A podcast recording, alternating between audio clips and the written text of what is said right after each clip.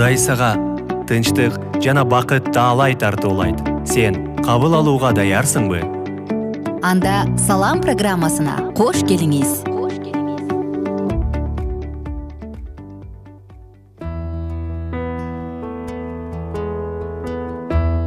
Салют достор. Баардык угармандарыбыз менен кайрадан амандашып биз салам аталышындагы подкастты баштадык. Биз менен бирге болуп жаткан угармандарыбыздын баардыгына ысык салам айтабыз бул подкасттар абдан пайдалуу керектүү маалыматтарга толгон. Ошондуктан кааласаңыз жакындарыңыз менен бөлүшүп жакындарыңызга дагы жөнөтүп койсоңуздар болот. Жана албетте суроолор бар болсо биздин whatsapp номурга жазганды унутпаңыз. Плюс бир үч жүз бир жети жүз алтымыш алтымыш жетимиш сандарына достор ыйык жазуу мындай дейт деп аталган сабагыбызды улантабыз. Биз менен бирге болуңуздар. Жаңы унаа сатып алып жаткан адамга машине пайдалуу жана узак убакка жакшы кызмат кылып бере алыш үчүн ага кандай кам көрүп кандай эксплуатациялоо керектиги жазылган өзгөчө бир колдонмо китепчеси да кошо берилет. Ошондой эле кандай ылдамдыкта жүрүш керек кандай май куюш керек ар кандай механизмдерге кантип кам көрүш керектиги тууралуу сунуштар берилет. Камкор айдоочу мындай инструкцияларга же эрежелерге көңүл бурбай койбойт. Тескерисинче алар дыккаттык менен аткарат. Автоунааны жасаган завод анын ээсинин ыраазычылыгына кызыктар. Ошондой эле алар техникага кандай мамиле кылышты билгендиктен кеңеш беришет. Ооруканага жатып калган адам кудай берген денеге туура эмес мамиле жасагандыктын натыйжасында ооруп калганын дарыгерден билет кырсыктар жана жугуштуу ооруларды эске албаганда сексен пайыз оорулардын пайда болушу жаман адаттардын кесепети экен. Акыркы убакта туура эмес жашоо образынан улам кандайдыр бир ооруларга кабылышы мүмкүн болгон белгилүү бир топтогу адамдар бар экени аныкталган. Аларды биз орусча группа риска деп коебуз же коркунуч группасы тилекке каршы алар өздөрүнү колу менен аң казып жатышат. Жашаганга күч таппай жашоосун кыйган учурлар жан кыюулар да азайган жок. Адамзатын жараткан жаратуучу кудай дүйнөдөгү эң сонун механизмди тирүү организмди эксплуатациялоо боюнча инструкцияны же эрежеси камтылган китепти белекке кылууну унуткан эмес.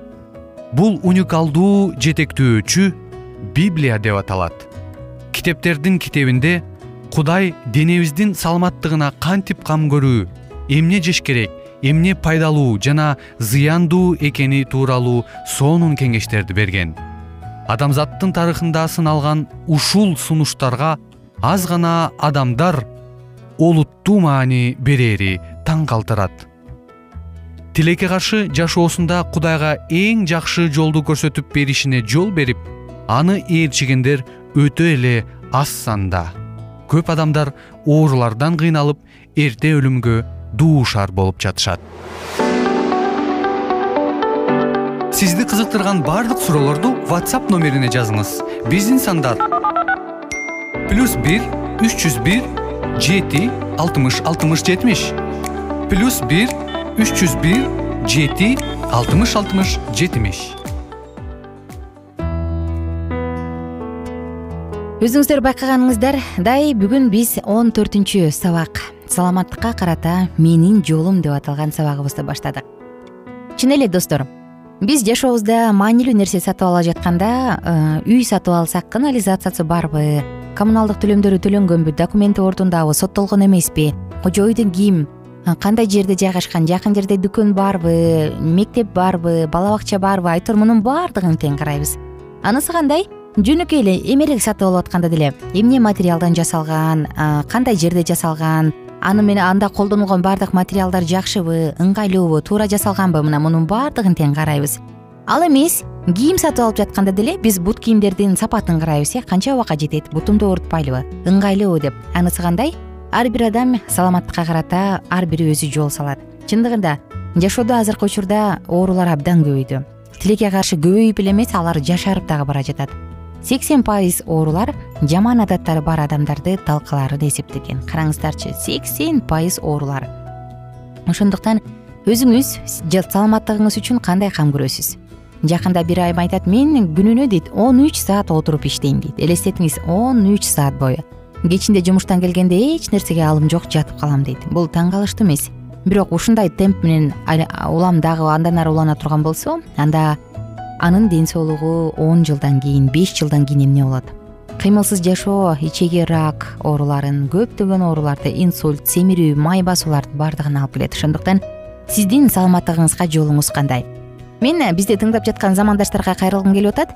Өзүңүздүн ден соолугуңузду кантип чыңдайсыз келиңиз бөлүшө кетиңиз whatsapp номерубузга жазып койсоңуз болот. Биздин сандар плюс бир үч жүз бир жети жүз алтымыш алтымыш жетимиш сандары плюс бир үч жүз бир жети жүз алтымыш алтымыш жетимиш сандары.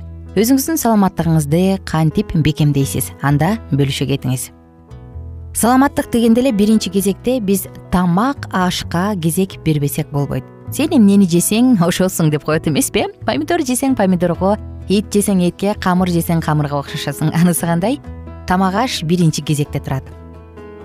Заманбап медицинанын акыркы ачылыштарын карасак кудай өзүнүн сөзүндө библияда ачып берген көрсөтмөлөрдүн баардыгын бекемдеп жатат. Адамдын рационунун басымдуу бөлүгү жашылча жемиштер дан азыктарынан турушу керек. Ал эми эттүү оор азыктарды колдон келишинче минималдаштырыш шарт. Ыйык жазууга ылайык башында кудай этти тамак үчүн караштырган эмес э? Ага өсүмдүк азыктары берилген. Эгер сиз муну кайдан алдыңар десеңиз ыйык жазууда башталыш китебин биринчи бап жыйырма тогузунчу аятты окусаңыз болот. Анан суу каптагандан кийин баягы нух пайгамбардын убагында көп эле уксаңыз керек нух пайгамбардын убагында суу каптап анын үй бүлөсүнөн башка бир да жан калбай калган. Мына ошол учурда адамдарга эт жегенге уруксат берилген. Анткени жердин баардыгын жердин бетин суу каптап калган өсүмдүк жок болчу ошол учурда берилген. Жана жаныбарлардын жаныбарлардан алынган азыктарды колдонууда теңир чектөө коюп койгон.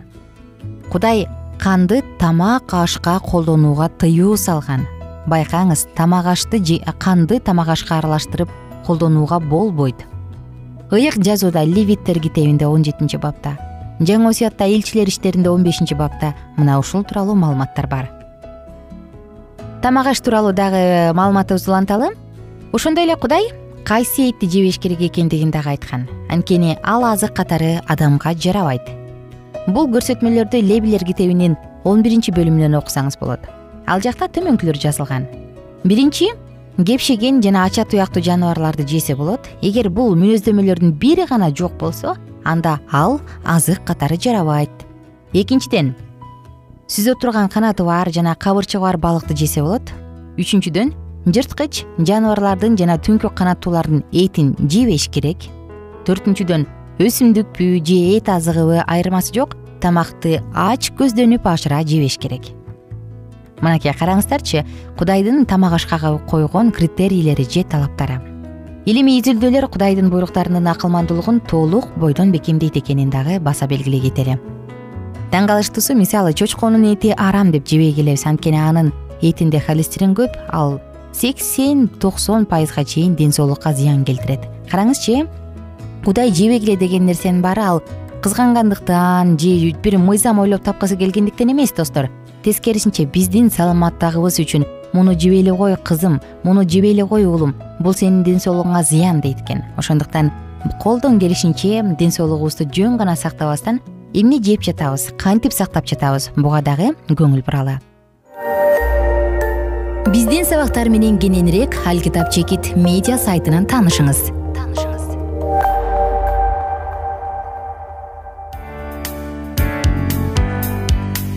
Ар бир жанга тынчтык каалап.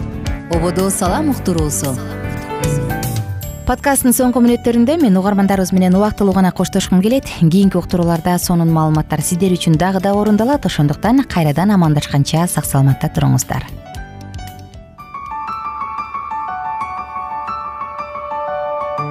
бир гана кудай чыныгы тынчтык берет. Ободо салам уктуруусу